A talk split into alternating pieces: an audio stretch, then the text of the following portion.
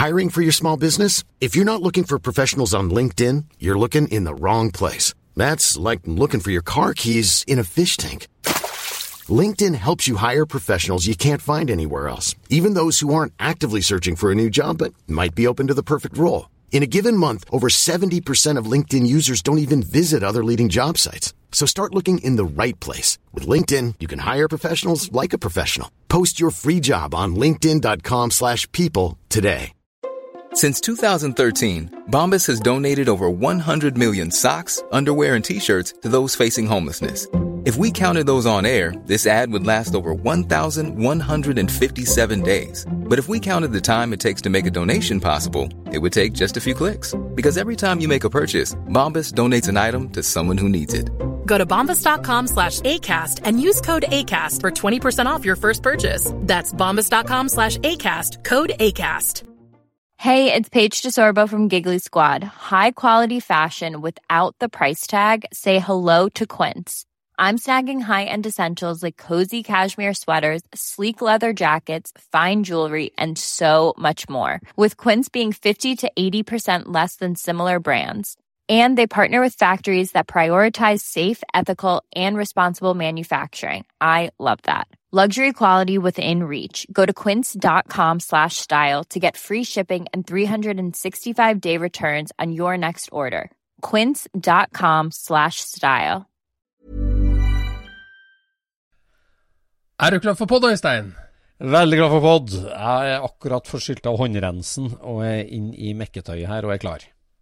Ja, du òg? Nå har jeg vært ute Ja. og skrudd graver, jeg. Graver, du, ja. Ja. Ja. Jeg har skrudd henger, så da er vi omtrent akkurat like kjedelige, da. Ja, ja, ja. ja, ja. Nei, henger, hengervårrengjøringa på hengeren, det, det driver og kjører den der biltransporthengeren på vinteren, vet du, og det saltlaken, det spiser jo bremser og vaiere en masse, vet du. ja det Så- der er eh, Det går i stykker så jevnlig. Det er jo helt Ja, utrolig. gjør det. Ja, det er det, vet du. Så nå, eh, men nå er vi klar for Lærdalsøyri om få dager. Ja. Sist gang jeg skulle fikse bremsene, da var det så mye gærent at jeg endte opp med å kjøpe to nye aksler til hengeren. Ja, der har du den. Det er nivået. Nei, la oss kjøre pod, da. Vi kjører pod.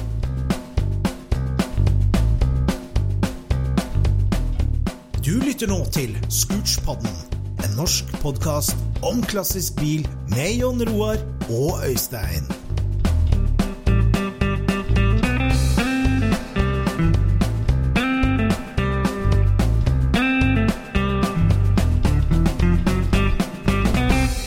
Yes, kjære lytter, velkommen til en ny episode av Scootspodden. Og når du hører denne episoden her, så driver vi og rigger oss klar på scenen på Lærdalsøyri, og vi gjør klar for livesending fra podkasten Scootspodden på Ja. Fjordluft, det luftakjørte Porsche-treffet. Ja. Det blir spennende. Det blir spennende. Og nå er vi også feig at vi skal ha med oss eh, hobbybil på hengeren, så nå er hengeren i orden. Og for Ja. kun få minutter siden så fikk jeg video fra vår gode venn på Nordstrand, som eh, har bytta gasseren på min eh, gamle Porsche. Ja. Så nå går den som en drøm, Jon Roar. Uff, det der var jo fjorårets eh, definitivt nedpunkt for meg. Altså, det der var ikke moro når den der gasseren bare sprakk som gammel mariekjeks. Ja, ikke noe å tenke på. Vi var jo på Porsche-festivalen på Rudskogen. Ja. Og du sto i startfeltet, og bilen gikk som en klokke, og plutselig så stoppa han. Plutselig stoppa han bare. Stoppet Det var jo helt krise, vet du. Helt foran i køen. Ja. Det var jo rett Eldste før bilen først. gikk om og skulle kjøre ut på banen. og Plutselig så bare boo. Åh, ja, det Ja. var surt, altså. Da var det den evige pinnen i bensinpumpa som hadde sklidd ut, for vi sto i akkurat rette vinkel for at dette skulle bare skli ut. Ja, det så jo ikke jeg. Nei, det så ikke du. Det tok lang tid det, før du fant ut hvorfor det ikke kom bensin. Jeg husker du ringte jo til meg, for jeg var ikke der. Ja. Helt desperat. Bensinkran, virker den? Virker bensinmåleren? Kommer du der? Er er det tett? Kan, hvor kan jeg blåse for å sjekke? Og jeg ropte ut til sjåken som sto bak med startkassen.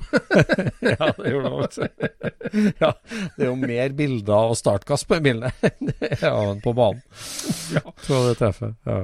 Ja, jeg fant ut hva som hadde gjort at dette her sprakk, da, sånn i utgangspunktet. Eller var det bare Vestfold-muskler som, eh, som tok den?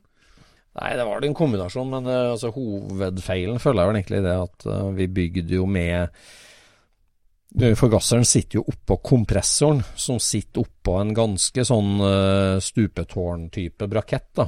Ja. Så vibrasjonene fra hovedmotorblokka og opp på toppen av den gasseren er jo ganske mye, helt sikkert. Ja, ja, det er ganske langt. I, ikke at det er noe galt i det, for så vidt, liksom sånn, men Og vi lagde jo bensinrøra da fra bensinpumpa opp til gasseren med en kjempebra kveil på. Mange bøyer på den og skal Mm. fjære bra, men antagelig så er det litt for stivt. altså Det har introdusert noen mikrosprekker i det sprøe, gamle italienske pottmetallet som Ja. eh, er i gasseren. da. Og så var det jo så, Så- lite verktøy på det Porsche-treffet at eh, Ja. vi hadde jo ikke noe valg. Vi måtte jo skru med de størrelsene vi fant, og det var jo Ja. da dessverre den eh, fittingen som gikk rett i aluminiumen. Ja, Som var det eneste jeg hadde noe som passa til. Så um, ja, du hadde bare en sånn rørleggerskiftnøkkel, du? Som du drev og jeg hadde ikke noe skiftenøkkel i det hele tatt. Vi var oppsatt med en eh, 14 millimeter, tror jeg. Det var det vi hadde. Eh, mener jeg. Jeg husker ikke helt åssen det der var, men, Nei, nei. men i hvert fall så var det liksom Det var alle tings iboende faenskap som skjedde der. Ja, det gjorde det. Så bilen har stått i skammekroken helt siden da. Den er, jeg vet du, helt ærlig, jeg har ikke åpna motorlokket på den heller. Jeg, har ikke- jeg har ikke sett oppi her. For at jeg liksom tenkte ok, jeg får bare stå i skammekroken, for at vi må ha en ny gasser. Det var jo det som var Ja, greia. ja, ja, ja. Og det har vi vel snakka om før, da, i episodene. Etter lang tids leiting så fant jeg jo da hvilken gasser det. Lancia Aurelia fra 1947 og 48. Hadde altså den her rare Zenit liggende 30 meter-gasseren. ja. Og så eh, fikk vi jo tak i en sånn til slutt, da, fra en italiensk eh, blodpris eh, Lancia-delemann. ja. Og sann mine ord, den var 100% nyovermalt.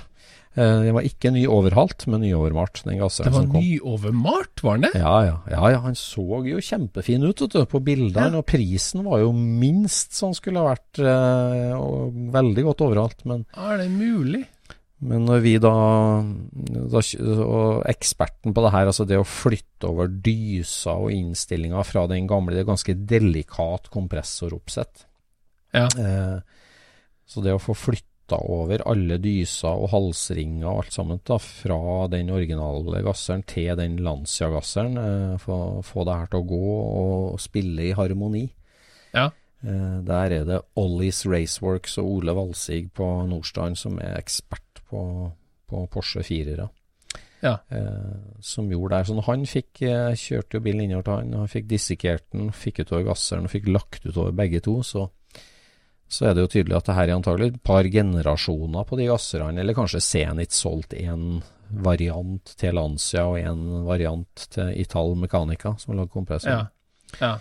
Så en del deler var speilvendt, eh, litt annen ruting av kanaler, litt annen deksel her og der, litt annen eh, armer og sånt. Ja. selvfølgelig. Så det her var, ble ei salig blanding, da. Ja. Så, så nå er det liksom, ja, hva skal jeg si, eh, en fjerdedel ny gasser og tre fjerdedel gammel gasser, som eh, ja. nå ser ut til å funke helt topp, rett og slett. ja. Men er det fortsatt sånn at vi har nødt til å ha med en chalk sjåk i menneskestørrelse for å få den i gang, eller har den fått i gang denne her sjåkfunksjonen? Ja, nei, altså den har jo en sånn bitte lita sykkelpumpe da, eh, oppå gasseren med en egen Ja. wire til. Som jeg og du, Ja, ja. eller jeg, jeg har tenkt at det var ei sånn primerpumpe. At du, at du hadde en sånn Ja, Det må det jo nesten være, er det ikke det? Ja, ja, altså Jeg har alltid trodd det at det var fordi det går et lite rør fra den pumpa eh, inn på flottørkammeret. Eh, Ja. ja. Eh, og, og, og videre kan jeg si, så hadde jeg alltid tenkt at det var litt av premiepumpe. Så at du har en liten sånn bryter og en Mysil Bergspekken som tar et par pump da, på dashbordet først. Ja, ja, ja. Men eh, det er, viser seg at det er ikke det. Det er en, en sleideventil, en luftventil rett og slett. Så det er en sjåkversjon, så at du drar i og åpner for lufttilgang. sånn at den, når du får litt vakuum i, så drar den eh, bensin på en måte rett inn i et, et sjåkrør, da, rett og slett. Som et, Jaha. dyserør som gir Ja, for jeg tenkte en sånn at uh, Jeg så for meg at den egentlig fikk bensin rett fra bensinpumpa via gasseren. Altså at det blei et visst trykk oppi den, da. Så når du Mm. dro i den spraken, så, eh, så skøyt du den bensinen tilbake inn igjen. via den sykkelpumpa, på en måte. Ja, Men ja. det er ikke sånn, Nei. altså. Nei, det er ikke sånn, altså. Eh, Det er, det er, et, det er et luftinntak på den eh, som du drar i, og, og et, et høl, da. Som, Ja. Sånn at når du drar inn, så åpner den for tilgang på luft. Og, Ja. og da når du får vakuum i hoved, eh, eh, si, hovedrøret, da, så, Ja. så, så får den dratt da luft inn gjennom den der pumpa, eh, som da dytter en liten squirt med bensin eh, inn Enda litt grann magrere er jo alltid trikset for å få i gang en motor. ja, det er det. Så det er veldig rart. Så vi, vi har liksom ikke helt fått testa det der. Nå har den blitt testa med en liten bensinskvett, eh, for å være sikker skyld. Eh, Ja. der, og den starter tvert når den er kald, ja, ja, og starter alltid når den er varm. Ja. Så vi må forske litt mer, men det som Nole sier, at da må vi være minst fire hender for å bare få prøvd det ut litt, eh, det der eh, systemet. ja. Så Nei, men i hvert fall, den fungerer som en drøm. Eh, Det er nye olja, det er nye girmansjetter, og det er et nytt styresdag på nå, som viste seg å være helt utslitt. Det, jeg tenker, jeg har jo kjørt mye, men, men så mye det måtte ha vært Det, det der var jo nytt, eh, så det måtte ha vært ei veldig dårlig kule. Altså den indre styrekula. Og såpass, ja. Ja, ja. Så, klakket i klakk. Så nå er, noen den, eh, nå er den klar for vestlandsveier. Ja, han er det. Vi Ja. kjører av gårde på fredagsmorgenen og, og losjerer oss inn på Lærdalsøyri motorhotell. Ja. Du Jeg mener i går? Jeg gleder meg skikkelig. Ja, i går. Jeg gleder meg skikkelig. Ja, det gjør jeg òg. Jeg er veldig engstelig for denne her sceneopptredelsen. Da, om hvordan det her kommer til å bli. Om bare for totalt jernteppe, liksom. Ja, ja. ja, for det er lagt opp til at vi skal ha tre ganger en halvtime fra scenen. Eh, Ja. Der vi skal lage tre korte episoder fra Scootspoden. Ja. Eh, du kan følge oss live på YouTube-kanalen til Porsche Norge. Eh, og du kan se oss live hvis du tar turen til Lærdalsøyri da, eh, og blir med på Porsche-treff. ja. Og vi var jo godt forberedt på liksom første og siste seansen der, med, med få med oss noen entusiaster og prate litt om det ene og andre tema, men så Ja. dukka det opp en rosin i pølsa her som vi fikk ansvaret for òg. Eh, ja. Ja. Det ble, plutselig skulle vi ha et intervju med Magnus Walker. Magnus Walker, selveste The Urban Outlaw, straight from Hollywood to Lærdalsøyri. Når jeg tenkte over hvilke utkom denne her podden kunne ha når vi begynte i sin tid, Øystein, så var ikke Magnus Walker en av de gjestene jeg regna med at vi skulle ha innom. Altså. Den andre engelskspråklige gjesten i historien til Scootspoden, han heter Magnus Walker. Merkelig Så- det kan bli. Det, det er litt rart. Så det blir jo litt spennende, da, for jeg har jo aldri egentlig fulgt så innmari godt med eh, på han. Men, men har jo fulgt med, så jeg gleder meg skikkelig. Jeg håper vi skal komme under huden på han og snakke bilentusiasme, og ikke celebrity. Ja, for det er jo vår eneste sjanse, føler jeg da. Altså, vi er jo ikke så innmari i in the in crowd på den fronten der. Vi er jo ikke Følger jo Nei. ikke han som influenser, ikke sant? Nei, nei, vi er ikke det. Men jeg husker jo han dukka opp når, mm. når noen hadde fulgt han og laga en veldig kul video hvor han prater om uh, hans forhold til, uh, til Porsche. Mm. Han representerte jo en helt ny gruppe som du aldri hadde sett tilknytta til Porsche noen gang. Mm. Altså, han eh, ser jo ut som en mellomting mellom eh, Ja, hva skal jeg si? En skotte og en uteligger. Ja. ja, han har holdt på imaget sitt, og, og jeg kom jo med den der, akkurat den derre outlaw, røff i kanten-stilen, Ja. som lell Ja. var liksom litt raffinert og ekte. Eh, Ja. Altså ekte Porsgrunn-lidenskap. Ja. Um, så han var jo det hører du når du prater om dette her, at han har ikke dette her for at eh, Som statussymbol, liksom. Han har det for at han syns det er dritgøy å kjøre, og han kjører fort med det, liksom. Han er jo Han bruker jo biler. Ja, ja, ja. Nei, han er jo en ekte fyr. så han er altså For, for markedsavdelinga til Porsche AG så er jo han en gudesendt skikkelse. Altså, du kunne jo ikke couldn't make up this shit, for å si sånn. Nei, nei. Når de gutta i dress nede i Stuttgart så, så han fyren der sånn, så var det Ja. Det var vel antageligvis sånn uh, i denne Ja, ja. her eh, Disney-filmen som går på julaften, vet du, med oksen Ferdinand. Når de, når de ser han blir så sint, så 'Honnom skal vi ha!'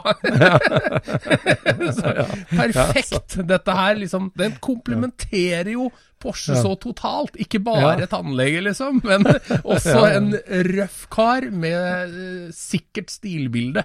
Ja, Ikke sant? absolutt. Nei, det, det Nei, det skal bli artig. Det skal bli veldig artig. Vi skal, vi skal prøve å komme under huden på han, det skal vi. Det, det er jo rart, det. For at, eh, for at vi har jo vår venn som vi på en måte kjenner bedre, Rod Emery fra Emery Motorsports, som bygger Outlaw 356-eren. Ja. Og han, han eh, er jo òg veldig flink på sosiale medier og, og, og liksom har en veldig profil, da, som, og har vært den som egentlig definerte begrepet outlaw i 356-verden. Eh, Ja. Og så har jo The Urban Outlaw Magnus Walker gjort det for, for tidlig 911, så, så Ja. det, det er jo liksom to frontfigurer, men de har jo blitt uh, omfavna ganske annerledes eh, i miljøet. Ja, men på, Det er sant. det er sant. For 356-ene, han, eh, han eh, Rod der, han eh, botaniserte jo bare på lageret til eh, faren Gary. Som kjøpte alt som var av overskudds 356, eh, eller egentlig Porsche-deler, kanskje. Han Ja, kjøpte ja, det som gikk ut av lageret hos Porsche-forhandlerne i Statene. Samla det i ett lokale, og der gikk jo Rod rundt og samla sammen deler og begynte å bygge biler i sin egen stil. da. Ja. Og det var jo så utafor normen at Mm. eh, dette måtte jo ha et spesielt navn, og da kom de opp med dette outlaw, for at dette her er ikke den rette måten å gjøre det på. Det Mm. Visste jo alle. Det visste jo faren òg, Ja? Så, så dette her, vi må, vi må komme opp med en god unnskyldning for å gjøre noe sånt uh, som dette her. Mm, mm. Ja, og har jo da gjort det til levebrød. Godt levebrød. Han har vel eh, Ja. 15 mann ansatt, han som bare bygger Outlaw 356. -er. Det er spesielt at det går an.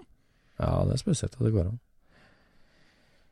Det er nok, Han jo kommer jo fra en ekte interesse, selvfølgelig, og har Porsche Mm. sjøl og er interessert og sånn, men det han, Imaget er jo mer det at han er en one stop shop for noen som vil kjøpe en veldig kul bil.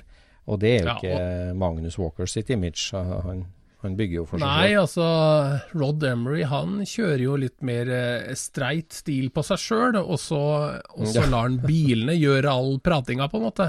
Det er sant. Altså, Han er jo glad, til glad i å prate, men han fremstiller Han har ikke noen rolle oppi det der. Han bare bygger Nei. bilene, Ja, står opp midt på natta og begynner å bygge bil.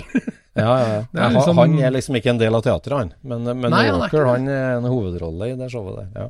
Ja, det vil jeg si at der er det liksom han som er huben, og så er bilene er kul eh, eh, bijotteri. så det er Ja, ja, ja, ja. tilbehør til, eh, til hans, eh, hans liv og stil. Ja, det er sant det. Sant det.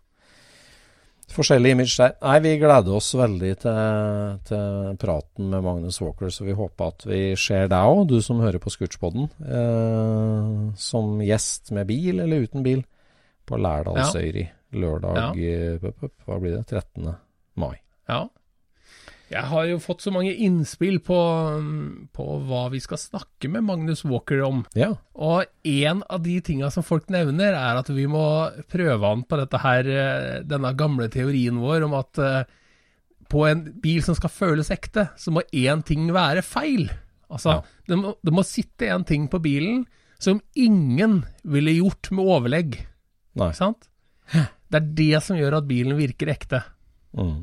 Og der har vi et veldig bra bevismateriale i denne her 277-en. Den, eh, den første bilen han ble kjent med.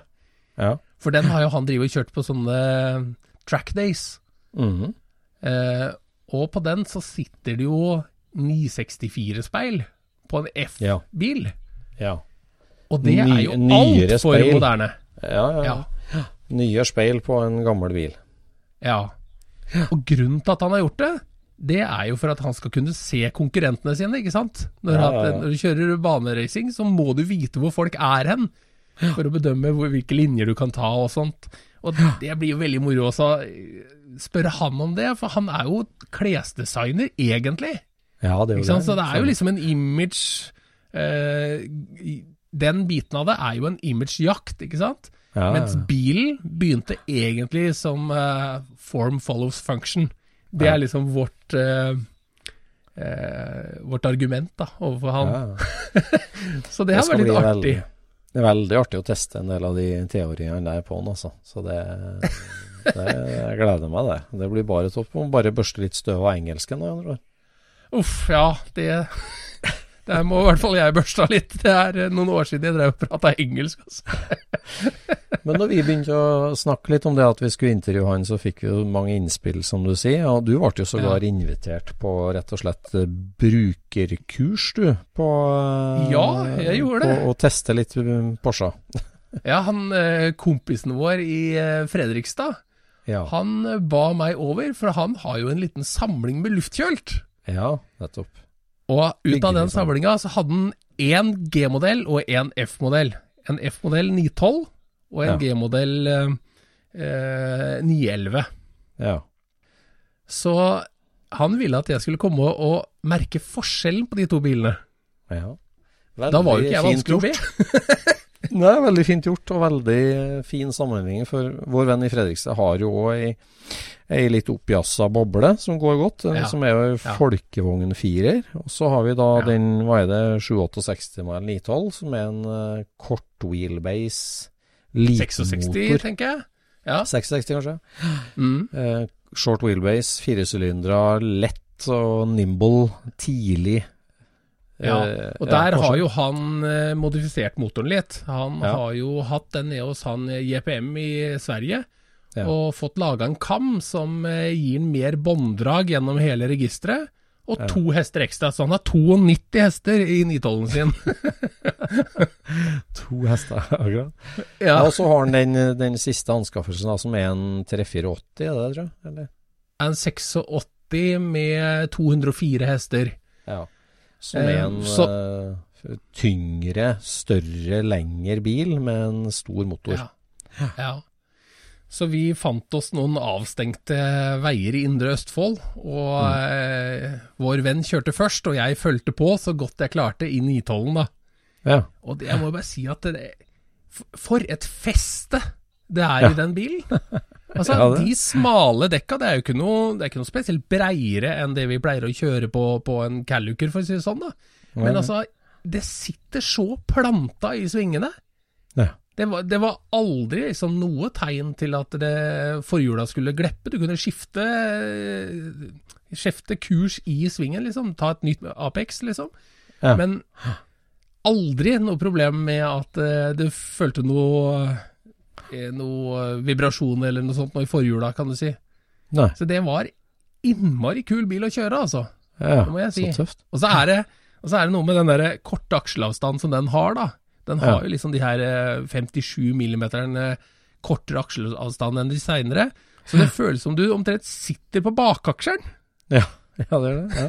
Ja, så når du, når du svinger fronten, så merker du at hele bilen vrir seg. Altså det, det, det er akkurat Hele bilen er foran bilen- deg, på en måte, føles det. Ja, det føles litt sånn at, det, at alt sammen reiser med en gang. Ja. ja. Så når vi hadde, når vi hadde kommet til midtpunktet for turen, da, så bytta Ja. vi bil og kjørte tilbake igjen. Ja. Og da kjørte jeg foran, for da visste jeg jo Ja. litt uh, hvordan denne veien gikk. Og, um, og så er det jo Det er jo ei en bil, den andre, da. Ja. Altså den 911, det er, det er mer krefter enn den veien der tålte, for å si det sånn. ja det. Så Jeg føler deg utrygg der, da, nærmest. At du kan Her kan Nei. du miste det der, liksom. ja, den, den andre, altså 912, den kan du kjøre med bortimot flat pedal, liksom. Ja. Du kan ikke det, da, men nesten. Du, Ja. liksom, du, du merker at du virkelig kjører bil. Mens den andre, der må du holde igjen så du ikke taker, liksom. For at det, det er så mye krefter at du er jo langt over uh, fartsgrensa på enhver liten sånn slette, liksom. Hvordan merker du det egentlig? da? Er det at du får litt sånn wheel tuck og han begynner å skal slippe, eller er det at det blir veldig Nei, det var aldri, det var aldri, det var aldri sånn. Det var bare det at det, det endte veldig fort opp med å kjøre altfor fort. Ja. Liksom, altså, den hadde så mye krefter at du måtte begynne å kjøre virkelig ved innsida av huet. da. Du, må, du må holde igjen, du må være, du må være litt fornuftig. For den er, Ja. er laga for å kjøre motorvei, ville jeg ha sagt. Altså, det, er, Ja, ja. det er ordentlig bra drag inn. Og den, den har også Du merker litt den vekta bak. Eh, Den, er, den er for så vidt mer retningsstabil. Så den, når du svinger den, så er det liksom der er fronten som går, og så retter bilen seg etter, kan du si. Men eh, i de bratteste eller krappeste svingene, hvor du liksom på en måte kommer gjennom ei dump og så opp mot en sving, da Mm. kunne du liksom på en måte merke at forhjula ble lette, da. Hvis du Ja. ga på der, så merka du liksom at å, nå har ikke forhjula like godt feste som bakhjula. Ja. Så da måtte du slappe av litt, sånn at du fikk igjen feste foran, da. så fy fader, det var en enormt kul kveld, det greiene der, altså. Det var det. Men du vil si på en måte to helt forskjellige biler, da? Eller altså, er det noe likhetstrekk, da? For, å- på en måte, eller? Ja, for jeg husker jo det at jeg, jeg sa jo til han eh, at den gangen han kjøpte den eh, elveren, da. Da sa jeg det at hva skal du med to så like biler? Ja. Og han sa de, er ikke like. De er ikke like. Og nå skjønner jeg jo hva han mener med det. De er ikke like. Nei. Nei. Altså eh. Ja. Helt forskjellig. helt utrolig at de på en måte er, ser så like ut som de gjør. Og så oppfører de seg så, så annerledes. Så hadde du liksom hatt de 200 hestene i den eh, 912-en med den samme lette vekta. Mm. Ja, hadde han satt boblemotoren sin i, i den der sånn, hadde den vært ordentlig lethal, den der 912-en. Altså. Da hadde den gått Ja. fort. Ja. Ja, det hadde gått fort. Det er jeg helt sikker på. Så du føler vekta på en måte, den føles mye lettere, den, eh, den eh, Ja, 912-en er mye mer nimble, ja. Den er ja. Ja. eh, ja, det er stilig, altså. Det er, det er noe ordentlig Hva skal jeg kalle det? Det er noe verktøy av noen biler, på en måte. De er, det er verktøy, det er maskiner som gjør akkurat det de skal. Ja.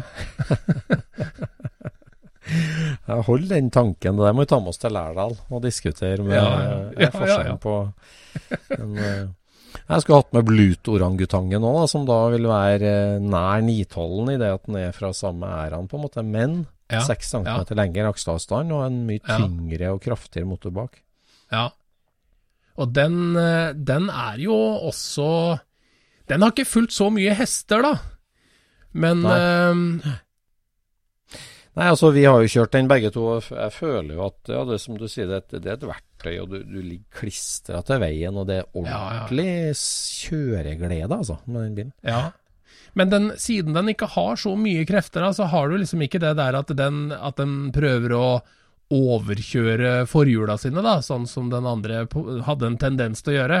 Nei. Vi har kanskje ikke kjørt like snirklete veier når vi kjørte i Tyskland som vi, vi gjorde her nå, da. Men, Nei.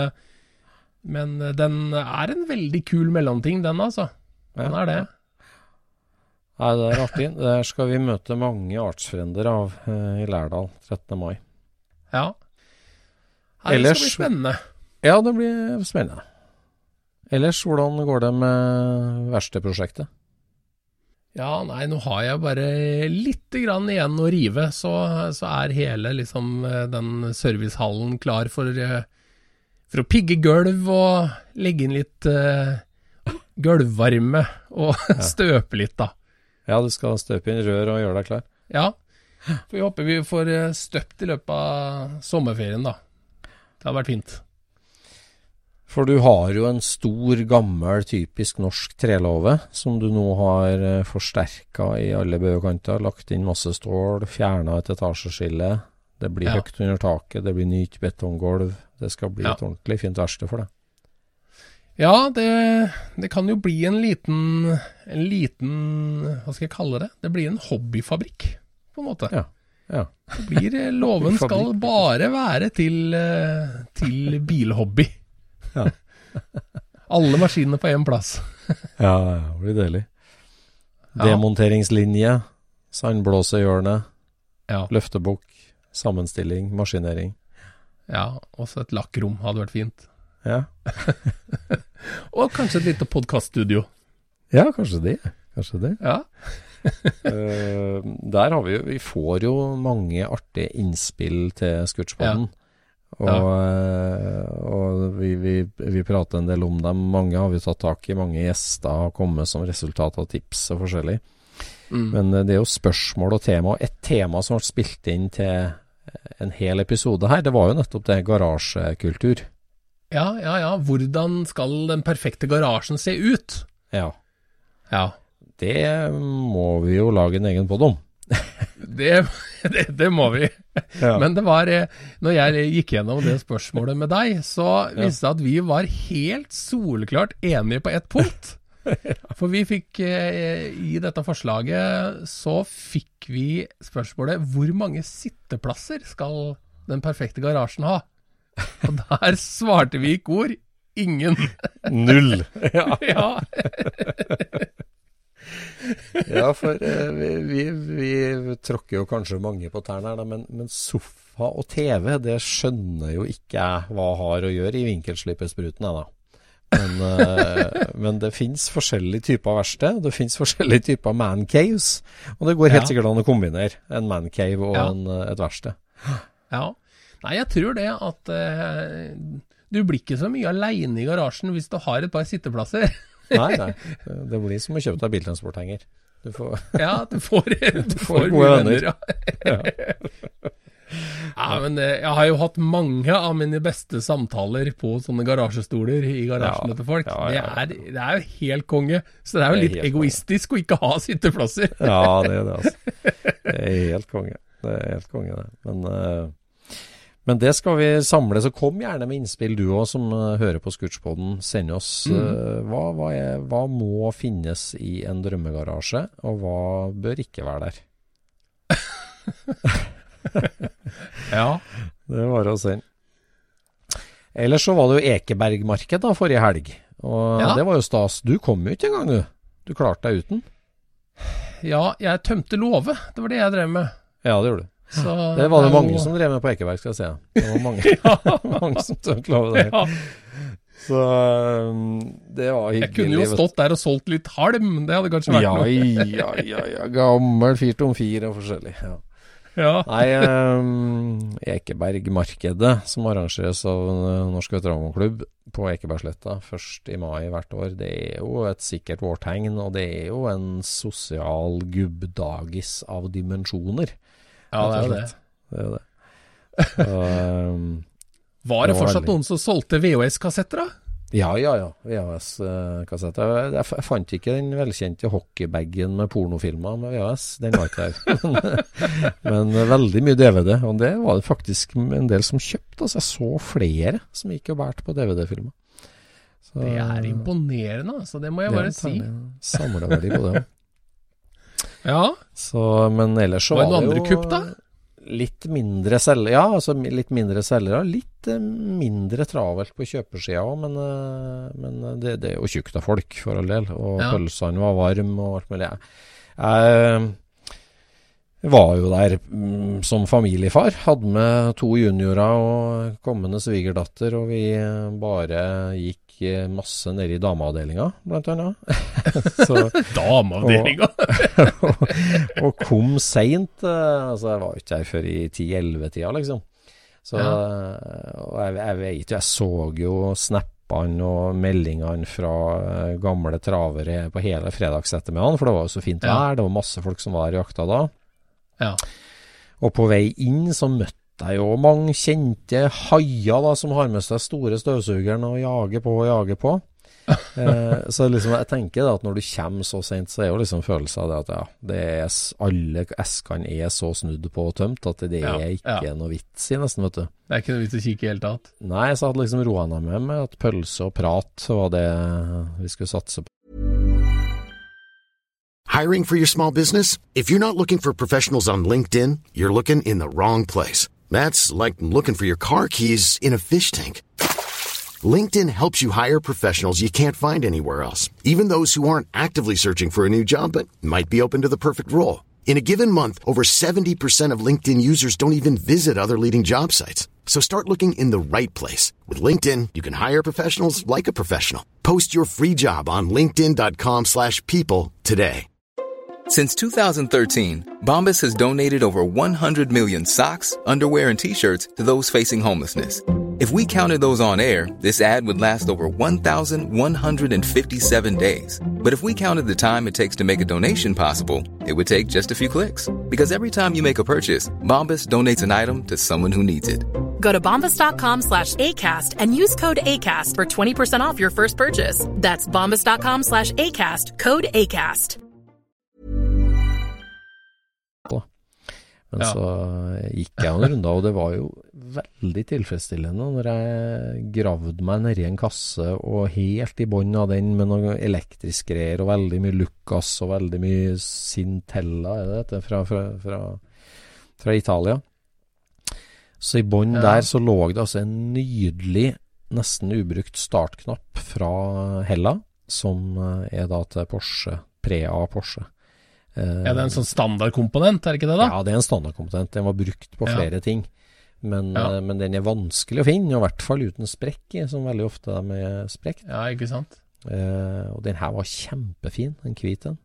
Eh, men det er jo liksom, du må vite hva du skal se etter, da, for det var, det var jo en, det var en sånn rotekasse bare hos en motorsykkeldeleforhandler. Ja, ja, ja. Ja, for det er jo litt forskjell på disse kassene. Ja, det er forskjell på kassene. Du, du ser det veldig godt.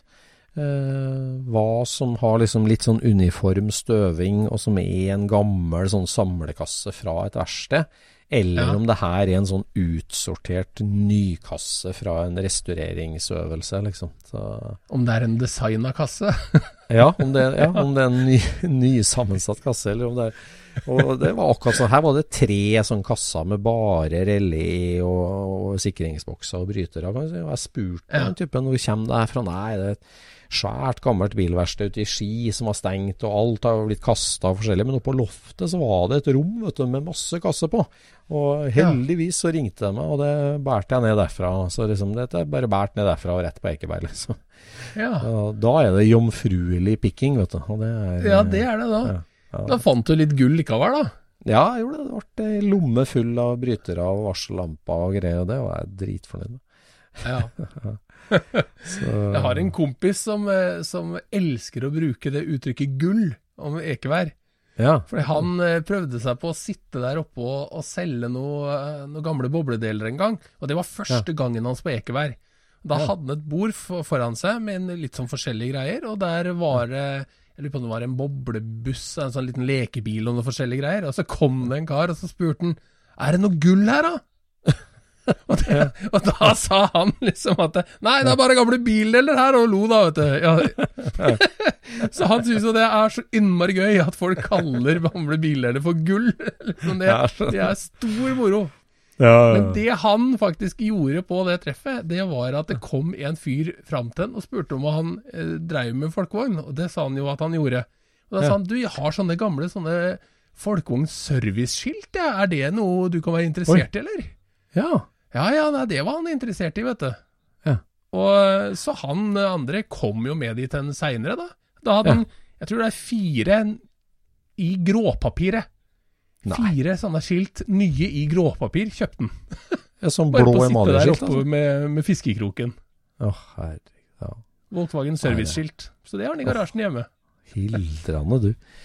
Ja, nei, det, det å sitte der eh, Det er som en ønskes kjøpt-annonse, det, vet du. At eh, det, du, du får henvendelser. Det er mange som ikke annonserer, eller ikke tar det med seg på Ekeberg.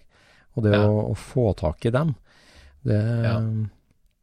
Det er helt spesielt, altså. Ønskes kjøpt-annonse. Eh, der sier hun Fy søren, jeg jeg fikk en tekstmelding her, den må jeg lese opp til deg, Jon Roar. Eh, Ja. Jeg fikk en tekstmelding eh, bare tidligere i dag, og det er jo Det er så vanskelig, det bordet fange-metodikken, vet du. For at eh, jeg har jo vært rundt og kyssa mange frosker, for å si det sånn, på jakt etter prinsen. Ja. Og, og har jo liksom sett på mange biler og prøvd å kjøpe mange biler, og det er mange som ikke har vært til salgs. Og det er deler Ja. og alt mulig. ja. Og det her er jo en, en, en svær, spennende bil, som er en, en førkrigsbil, som jeg har øh, først jakta på gjennom papir, egentlig. For at det, det fantes noen gamle spor av den bilen i forbindelse med noen tidlige museumsplaner i Norge på 70-tallet. Ja. Og så så jeg at den dukka opp i listene der, og så begynte jeg å nøste i det. Og, og, og, og til slutt så fant jeg den stående litt sånn halvdemontert i en garasje på Østlandet. ja. Og, og var veldig henrykt over å finne den, for det er en sjelden, sjelden modell. Og så Ja, Vi snakker om amerikaner eller tysk, eller? Ja, det er en amerikaner. Det er en svær amerikaner. Førkrigsamerikaner. Ja. Og så eh, var og kikka på den, og, og når jeg fikk, endelig fikk se den, så det, den har så gedigne proporsjoner at jeg ble helt mo i knærne når jeg så den. Og han skulle absolutt ikke selges. Han fyren har hatt den siden 80-tallet, og skulle Ja. ikke selges i det hele tatt. Og altså, når jeg scroller her nå på tekstmeldinga mi, så sist gang jeg hadde kontakt med karen her, det var i 2016, så det er sju år siden. Så jeg har liksom, jeg har liksom lagt den her litt bakerst der. Og plutselig nå, i dag klokka 11.18, så får jeg melding. Ja. Hei sann. Ref dialog rundt bilen. Innser vel nå at jeg ikke blir yngre, og må rydde i lagrene mine. Vurderer derfor å selge unna en del, og denne bilen er en av dem. Og jeg sender ja. deg derfor info og spør er du fortsatt interessert. Med vennlig hilsen. Ja. Det her er liksom litt som bordet fanget. Sant? Jeg hadde jo dytta den bak i prioriteringslista, og liksom jeg har ikke gått og tenkt at jeg må ha penger til den nå. Liksom. Så, så men, men nå er jeg jo helgira på den, da. Så nå må, det er så mye. Så ja, det er bordet fanget. Når du først får den meldinga, så, så må du steppe opp, vet du. For det ja. ja, jeg føler det. Så Nå spørs det om jeg må låne meg henger som tåler mer kilo, og ta en tur. Oi. Det er jo litt forskjellig der ute, som, eh, som du har vært bortpå en eller annen gang. Men jeg, jeg, jeg har ikke hatt for vane å gå rundt og si at jeg har lyst til å kjøpe alt mulig. Er jo, er, så jeg får ikke så, så mange sånne tekstmeldinger, heldigvis. Å ja, du er sånn fisker som slipper ut fisken, du. Sånn, Ja, du. catch and release, ja. Catch and release Found it, saw it, move on. Ja. ja apropos found, eh, find and release. ja. Eh, vi hadde jo en pod her med Anders Brunvoll, Ja. patinafotografen. ja. Den fikk vi en del tilbakemeldinger på. Det er manges hjerte nært. Patinabiler eller skogsvrak, da. Mm. Ja. Og det der er jo eh, Altså, det har jo liksom vært noe for vår generasjon, ikke sant? At vi har hatt muligheten til å gå og se på disse bilene i skogen, og det er jo spennende å finne ut historien til den, og hvor kommer den fra, og hvordan havna den her, ikke sant? Mm. Men det er jo en begrensa ressurs. Det er en begrensa ressurs, ingen tvil om det. Ja. Det er ingen som setter eh, dagens biler i skauen lenger. Nei, altså hvordan bli eh, da, altså, gårdagens klassikere, 80-90-tallsbilene, som mm. dem av dem som overlever, og dem av dem som blir entusiastbiler, Ja. hvor oppbevares de hen? Ikke i skogen. Ingen parkerer dem i skogen. Nei, det må være parkeringshus, eh, garasjer eh, i, i bygårder, eller jeg vet ikke helt, jeg, men det, altså, det er jo ikke lov å sette noe ute lenger, så det kan du bare glemme. Nei, og liksom, du vet, innendørs òg, så er det jo Altså, plass koster jo mye mer. Altså, urbaniseringa av Norge, da. At altså, flere av oss bor i byer. Og, ikke sant, og, og de gårdsbrukene som er i drift, de har jo bygd om til driftsbygninger, og kan jo ikke liksom stue unna biler i Oppetall. Det er ikke noe liksom Nei. naturlig altså, Hvis du gjør det, så, så gjør du det for å samle på bilen, og da er du allerede en entusiast, liksom. Men, Det er sant. men eh, Og klart, urbane garasjer og bygårder, det finnes jo noen, men det er klart, når du kan selge en parkeringsplass i en kjeller i Oslo for det samme du selger leiligheter for, omtrent, så, Ja. så er det ikke akkurat noe. ja, nei, det er jo sant, men eh, kanskje en nedlagt bensinstasjon på landet og sånt, da. Der kan det kanskje stå noe sånt i, Ja i kjeller eller uthus eller Ja. Det, det, Det er liksom det finnes, det er et eller annet lokale som ikke er så attraktivt eh, å bo i. Altså det ikke er Ja. vits i å rive, liksom. Det kan bare stå der. Det er at de få håpa du eh, har. Grunnen til at veldig mye av det her har overlevd fra det som var lagd før 1971, er jo pga. Mm. vrakpanten. Altså at eh, Ja, ja. en gang staten begynner å kjøpe biler, skrotbiler, så, så er det ikke noe grunn til å hensette, verken i låve eller garasje. Så, Nei. Men det er jo en del folk som får så dårlig innbytte på gammelbilen at de bare tar den med seg hjem igjen, og så tenker bare Som ikke klarer å gi slipp på at hvor mye de faktisk betalte for den i sin tid. mm, mm. Ja ja, det er jo det. Det, er jo Ja. det.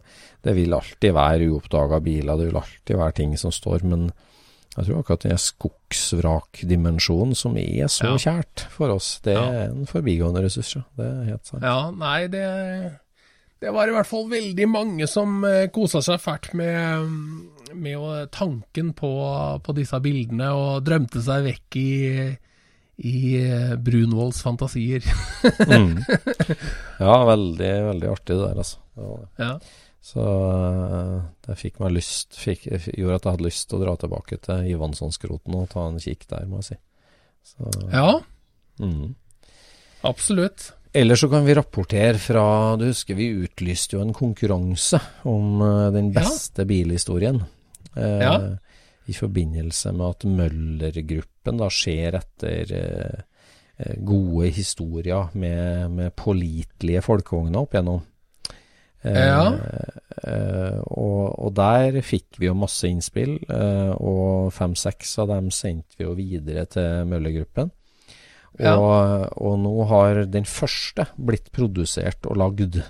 Og, og det er en veldig artig historie som vi skal, vi skal komme litt tilbake til, for vi skal, vi skal i, i, få noen av dem som podgjester òg. Men det her er jo tre generasjoner der, der ei bestemor eh, kjørt langt med ei folkevogn for å føde. Bodd veldig grisgrendt. Kjørt sjøl eh, for å Ja. føde. Um, mannen som nå er veldig bobleinteressert, og som har ei datter som nå driver og skal rekonstruere hele den kjøreturen fra, fra ja, den kjøreturen til sykehuset. For å, og så skal det være med å filmes og, og ordnes. da, Der er sånn en Vi håper ikke det skal gjøres veldig realistisk, den gjenskapinga der, da, egentlig. Nei, ikke akkurat det. Men, men det er hvordan liksom folkevognmerket da har, har vært med å prege tre generasjoner, egentlig, Ja. med, med, Ja. med liv og virke. da. ja. Eh, det er veldig noe. hyggelig. Så det er tips fra Scootspod-lyttere, og det setter vi kjempestor pris på. Så, så der blir det både prisutdeling og bilder om, eh, i løpet av sommeren her. Så det Men eh, apropos reise. Jeg har jo gjort enda et steg i min eh, dannelsesreise, vet du. Oi, akkurat. Jeg har jo vært og... ute og kjørt Citroën DS. Ja, det hørte jeg rykter om, ja. Ja, Vår Martin på jobb, han ordna det. Ja, gjorde det, ja. Ja, Det er vår favorittlandsmann. Ja. Ja, ja, det er en kul bil, altså. Ja. Det var en kul bil. Men at du må eh, ha med deg kjentmann for å liksom få kjørt den, det er jo liksom det, er, det, altså, Ja. det, var, det var ikke bare bare å skjønne alle disse her uh, manikkene inni der. Nei, du, du hadde ikke nøkkelen i lomma bare, og så starta han seg sjøl på den. Uh, nei, ikke akkurat. Vi, Nei. vi, vi, vi satte nøkkelen i tenningslåsen og vrei om, men det skjedde ingenting. Nei. Men da fant vi en sånn eh, standardkomponent fra Bosch som hang ned under dashbordet, og det var startnøkkelen på startknappen på akkurat den bilen. Ok, det var det. Men det var vel en modifikasjon fra Grenland, tror jeg. Det hadde ikke Ja. noe med Citroën å gjøre. Det var ikke noe Bosch på det modellen. da. Nei, men akkurat her tror jeg var en liten Bosch-knapp. Ja, ja, ja. Så bra. Men eh, for en kul bil å kjøre! Altså, Ja. den er supersoft når du kjører rett fram. Fartshumper og sånt, det er bare sluker den. Ja. Og når du, når du svinger Det er jo hydraulisk styring på den, ikke sant? ja, ja. Så når du svinger, så sperrer den av eh, gassklokkene på, på den sida du ikke svinger til, da. Så da legger den seg ikke over, sånn som Jeg har liksom sett for meg at dette her skal være som å kjøre på en eh, en ny eh, gelépudding, liksom. Ja. At, eh, at du skal liksom sklir behagelig rundt. ja, ja. Men eh, den er fast i fisken, altså. Det må jeg si om hele bilen, egentlig. At det er jo en, det er en ordentlig maskin, det der òg. Yes.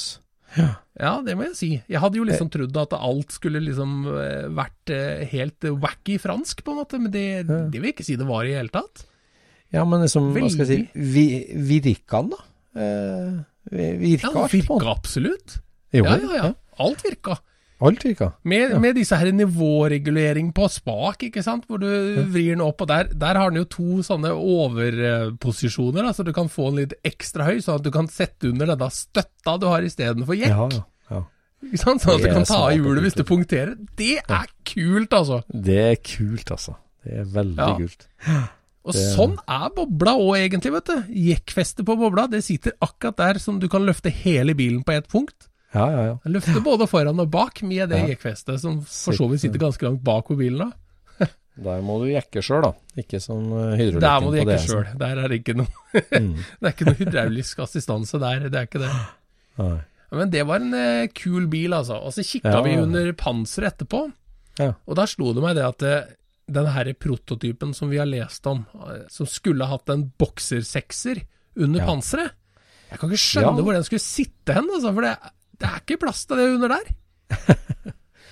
Nei, det er mulig den var tegna si enda lavere, enda bredere, da, den aller første versjonen. For at det måtte jo Ja. være ønske om å få den skikkelig lav i fronten, for den er jo veldig spiss og lav. Ja, det er den. Det er den. Men Dette her er jo den versjonen med, med liksom eh, doble lykter bak glass. Det er ikke den første som har eh, single eh, men det var en veldig kul bil å kjøre. Det hadde vært dritgøy å kjøre langt i en sånn bil, altså. Ja. Jeg har kjørt Har du kjørt eh, noe sånt, eller? Jeg har kjørt Lofoten rundt, jeg, i en uh, 70-modell Pallas. En stasjonsvogn. Jaha. Fordi at jeg var jo på i militæret, militær på Setermoen, eh, og var jo helt gal etter veteranbil og kjørte rundt i hvert friminutt og leita etter skrot. Og så hadde jeg med meg 54 bobler som jeg restaurerte mens jeg var der på kjøretøyverksted. Ja. Og der, i hele leiren der, så var det Det var jo noen bilinteresserte soldater, det var det. Det var jo min Mm. gamle medsammensvoren med en sånn Subaru Brat pickup. Uh, ja, Markussen fra Ja. Trondheim. Um, og så var det en kaptein Munkeby, kaptein Munkeby tror jeg han het, som uh, var Ja. sånn stedsansvarlig der. Han var jo Citroën-gal. Ja. Uh, og hadde en B11 som han kjørte sjøl. Og så skulle vi på Citroën-treff uti Ja, hvor var det? Langt ute i Lofoten, i hvert fall. Okay. Så da fikk vi låne uh, hans burgunderrøde Pallas stasjonsvogn, da. Uh, og han kjørte B11. Og vi kjørte okay. langt utover der. Ja. Det Så var tøft. eh, kjempetur, altså. Det var virkelig. Det var på Citroën-treff. Og så splitta vi lag da han dro rett hjem, og vi skulle eh, se etter skrotbiler og, og sjekke vi, vi, Det var noen damegreier der også. Vi skulle besøke noen, noen damer. damegreier? det- Ja, det var det faktisk. Så det husker jeg så godt, ja. Vi kjørte. Den mener jeg hadde sånn um, hydrauliske vinduer, sånn pneumatisk vindu. Altså, autom, altså vindusheis. Jaha. Jeg er ganske sikker på at han hadde. Eh, Jeg husker en kollega på jobb, han hadde en sånn en, og der var høydejusteringa på nakkestøtta, det var at du kneppa han av på noen knapper på sida, så flytta han opp. Har du sett det? At det var tre sånne vanlige eh, knapper sånn som du har på ei skjorte, liksom. Som du liksom knepper om for å få den høyere. Ja, jeg mener det. Altså, husker jeg han har, um, han har en bremspedal som er Ja, det er en hockeypuck. Bare en helt rund, spiss hockeypuck som ligger i gulvet, liksom. Som, altså, du ser ikke noe arm eller noe. Det er bare en som kommer opp. Var, var det sånn på den du kjørte? Eller? Jeg mener den hadde en helt vanlig pedal, men det var et voldsomt drag i de bremsene. Ja, det, ja, det er jo Den har vel bremsene liggende inn ved kassa foran, har den ikke skivebremser inn ved kassa foran? Eller? sånn? Jo, det vil jeg tro. Jeg, jeg la ikke merke til det når vi kikka der sånn, men det er jo kult, da. Det, det er er kult. Ja. Nei, det der er Vi, vi må ha oss en sånn. Det må være en firmabil for Scootspoden eller et eller annet. Jeg tror det der er- ligger en sånn eh, ombygd sånn en ute nå eh, på Finn, som er en sånn Solstad-konvertering, vet du. Vet du hva det er? Hvor Nei. du kombinerer frontdelen av en forhjulstrekker med rumpa, som er en biltransporthenger. Ja, ja, ja. Du Mm, setter det sammen jeg de, sånn at du kan kjøre 110 med last. Ja. Det vært noe? sånn ut for salg? Gjør det? Ja. Jeg mener å Ja, Ja, jeg mener det, er noe litt nyere bil, da. Det er ikke, det er ikke så gammelt, men, Ja. eh, men det må jo være ganske bra hvis de har klart å ja, det, blir, det blir ganske ironisk hvis den har Citroën-fjæring foran og bilhengerfjæring bak. Ja. Da tror jeg gjennomsnittet blir bare OK. Ja, det, det tror jeg. Ja, det, det er mye fransk vi liker, men det er i hvert fall en av dem, altså. Ja, det måtte det ha vært en kult. stående runde løkta. Eh, Ja. Selv om det sikkert ikke var designerens første intensjon, så er den så kul. Den. Vet du hva DS betyr, da? Mm, det skal jeg vite, men jeg husker ikke. Nei, det betyr eh, gudinne. Dies. Det er, eh, Ja. det er gudinne. Akkurat. Så jeg vet ikke om det er sant, ja, altså, men det er det de sier i hvert fall. Ja. Ja. Nei, men det er en gudinne, det, vet du. Det er det absolutt. Ja. Herlig. Da har du fått skolert deg litt, da. Eh, på det ene og andre. ja. Jeg fant ut noe annet kult her på, på jobben, da. For det var en kollega som hadde kjøpt seg nye frontlykter i syvtom. Og de hadde så fin bue i glasset. Ja. For eh, denne her eh, 1303-en min, det er jo en 74-modell, og da hadde jo Volkswagen allerede begynt å produsere Golfen. Ja. Så at da, da tok de og um, gjorde sånn at golflyktene også ble brukt på bobla. Og plutselig så fikk du da helt flate lykter på en så rund bil. Og Ja. det ser dumt ut, altså. ja. Men du kan jo prøve å spørre på en folkevognbutikk etter frontlykter med bua glass. Altså, Altså, sånn, du, er sier ikke... at, eh, ja, du sier at 1303-en hadde bua glass i 73, men fikk flatt glass i 74, eller? Nei? Ja, det tror jeg. Altså, Ja. eh, det kan også være 72-73, det er jeg ikke helt sikker på. Men, men de første, de var jo, der var jo glasset og reflektoren var jo individuelle deler. Og så hadde Ja, ja. du sånne skruer gjennom eh, krumringen, sånn som du har på gamle bobler. At du stiller bare reflektoren, ikke sant? Mhm. Mens dette her eh, H4-enheten som, som kom med Golfen, der er jo eh, glasset limt sammen med reflektoren. Og så har du justeringsskruene gjemt bak krumringen. Så stiller du løkta, setter på krumringen igjen. Mhm. Og sånne var det på min. Men med flatt glass. Og det syns jeg ser så dumt ut. For det første så ser det dumt ut for at bilen er så rund. Og så for det andre så er det sånn at når du stiller lysa riktig, så blir det jo eh, Det blir så lett å oppdage at eh, løkteglassa ikke er parallelle lenger, da. Ja, ja. For den ene er flat og kinka ett vei, så hvis du har en radie i hele glasset, så ser på en måte løkta mye mer symmetrisk ut, da. Den ser ikke sjeløyd ut, på en måte. Nei, nettopp. Ja. Så jeg har jo leita så fælt etter å få sånn buaglass, da. Men nå, nå virker det som det her skal løse seg. Fordi at eh, det jeg har kjørt med fram til nå, det er jo faktisk Sealbeam. Ja. For de har bue i glasset. Ja, ja, Så jeg har kjøpt amerikanske lykteholdere eh, til folkevogn for Ja. Sealbeam. Og da har jeg vært nødt til å kjøre uten parklys. Ja. Fordi det går jo ikke an å bore høl i dette her Sealbeam-greiene, for det er jo laga i ett stykke glass. Ja.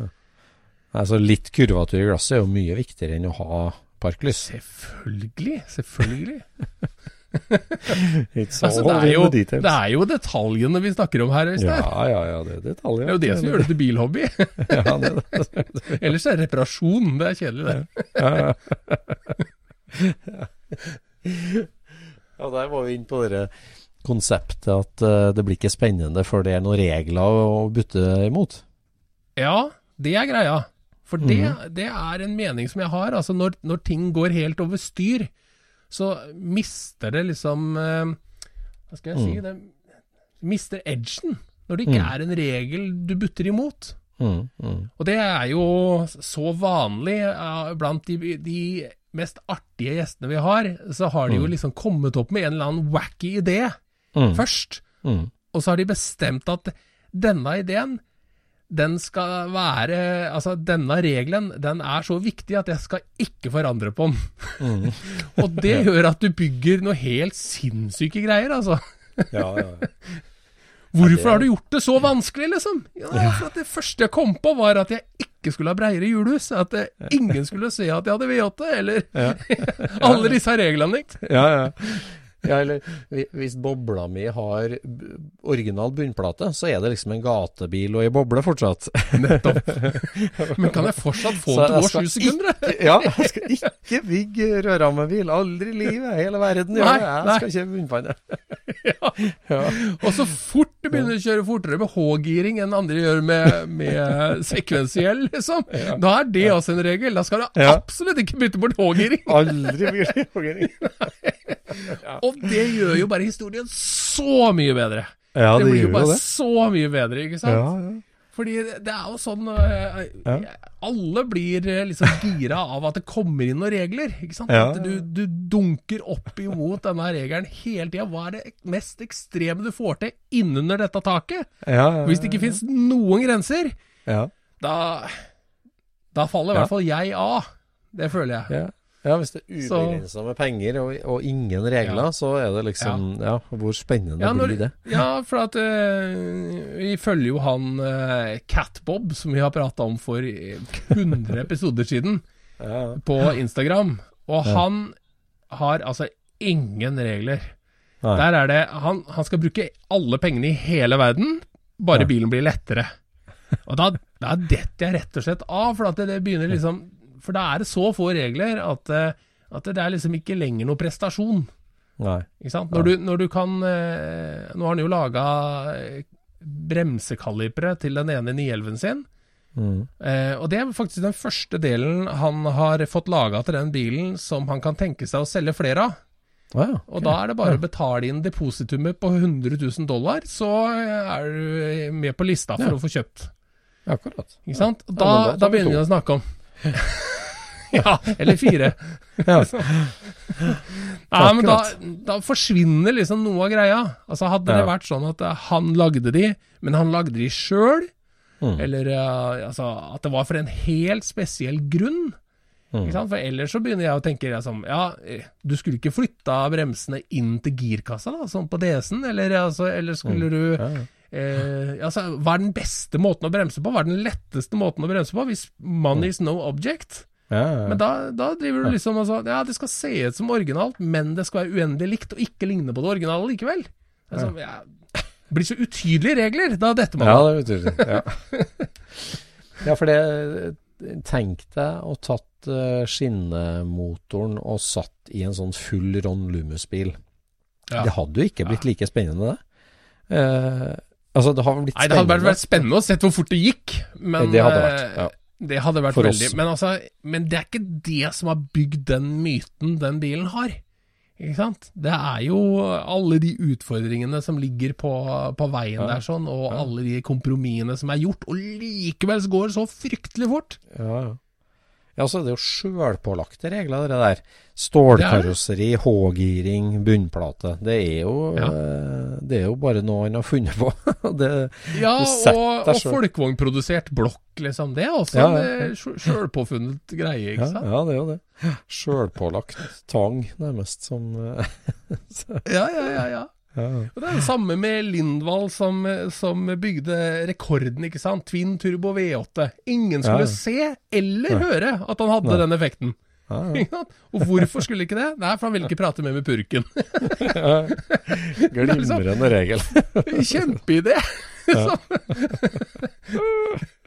Hvor mye energi kan du legge på noe du har kommet på eh, i garasjen over noen øl, liksom? Alle penga, alle åra. Jeg skal hente meg en V8-er og slenge den bak i transporteren. Fy faen, det hadde vært kult om det var motoren i transporteren! Ja, ja, ja. Hva vi bruker noen tusen timer på det? Ja. Det eneste vi skal, er å bli gamle likevel. Ja. Ja, men det, det er jo historiene som kommer ut av dette her, som blir liksom det beste. ja, det er det, altså. Det er det. det, er det. Er nesten så at jeg tenker at hadde ikke den eh, gasseren ryket på den eh, Preaen, så, så hadde historien blitt litt mindre bra. Men vi skal ikke gå så langt. Nei. Nei. Nei, det er noe med det. Det er, noe med det. Det, er jo, er litt sånn annet der om det med altså hvorfor det er så spennende å jakte på bil og finne sjeldne biler og sånt, for liksom, det, Ja. det kan ikke kjøpes for penger alltid. Det, er, Nei, det, nei, det, å, det å jakte og finne det, som egentlig er kjempevanskelig, og som er Ja, Det er en ekte opplevelse, ikke sant? ja ekte opplevelse. Mm. Ja. Det, er, det blir ikke det samme som å bestille én av eh, 15 Ferrarier eh, som skal produseres om to år. Nei. Det er liksom Prestasjonen der er mest Det er, det er kanskje den bra historien om hvordan du tjente de penga, Ja, ja, ikke hvordan du fikk bestilt den. Nei, det er sant. Nei, Ja. it's all in the details. Hvordan uh, står det til på Patron-lista vår, Jon Rar? Har det Du, kommet en der har vi fått en, uh, en ny patron. Ja. Og det er Tore Johan Høylund. Ja, velkommen om bord. Ja, og så har noen av de andre gutta vært inne og justert opp summene sine. Oi, Det sier det vi også vi takk for. Ja. Ja, For nå er det reisesesong, og, og vi skal ut på veien og ta opp masse spennende gjesteepisoder. Og Det skal vi. da er det alle monner drar i forhold til tilskudd til det, så det setter vi pris på. ja, absolutt. Yes. Takk til patrons, og takk til deg som har lagt opp turen mot Lærdal eh, den 13. mai. Og så er jeg helt sikker på at vi treffes på treff i sommer. Enten det er i, uh, både her eller der, og bak rattet eller til fots. Vi gleder oss til å møte Scootspod-lyttere og høre enda mer bilhistorie hele Yes. denne sesongen. Takk for i dag. Mm. Vi snakkes. Ha det bra. Scootspodden produseres av SSC Media, med god hjelp av VV Norge og Trond Dahl for hosting, Knut Micaelsen for musikk. Abonner på Scootspod via podcaster eller Acast, og følg Scootspod på Instagram og se det vi snakker om. Der kan du også komme med kommentarer og innspill, og fortelle oss hva du vil høre om.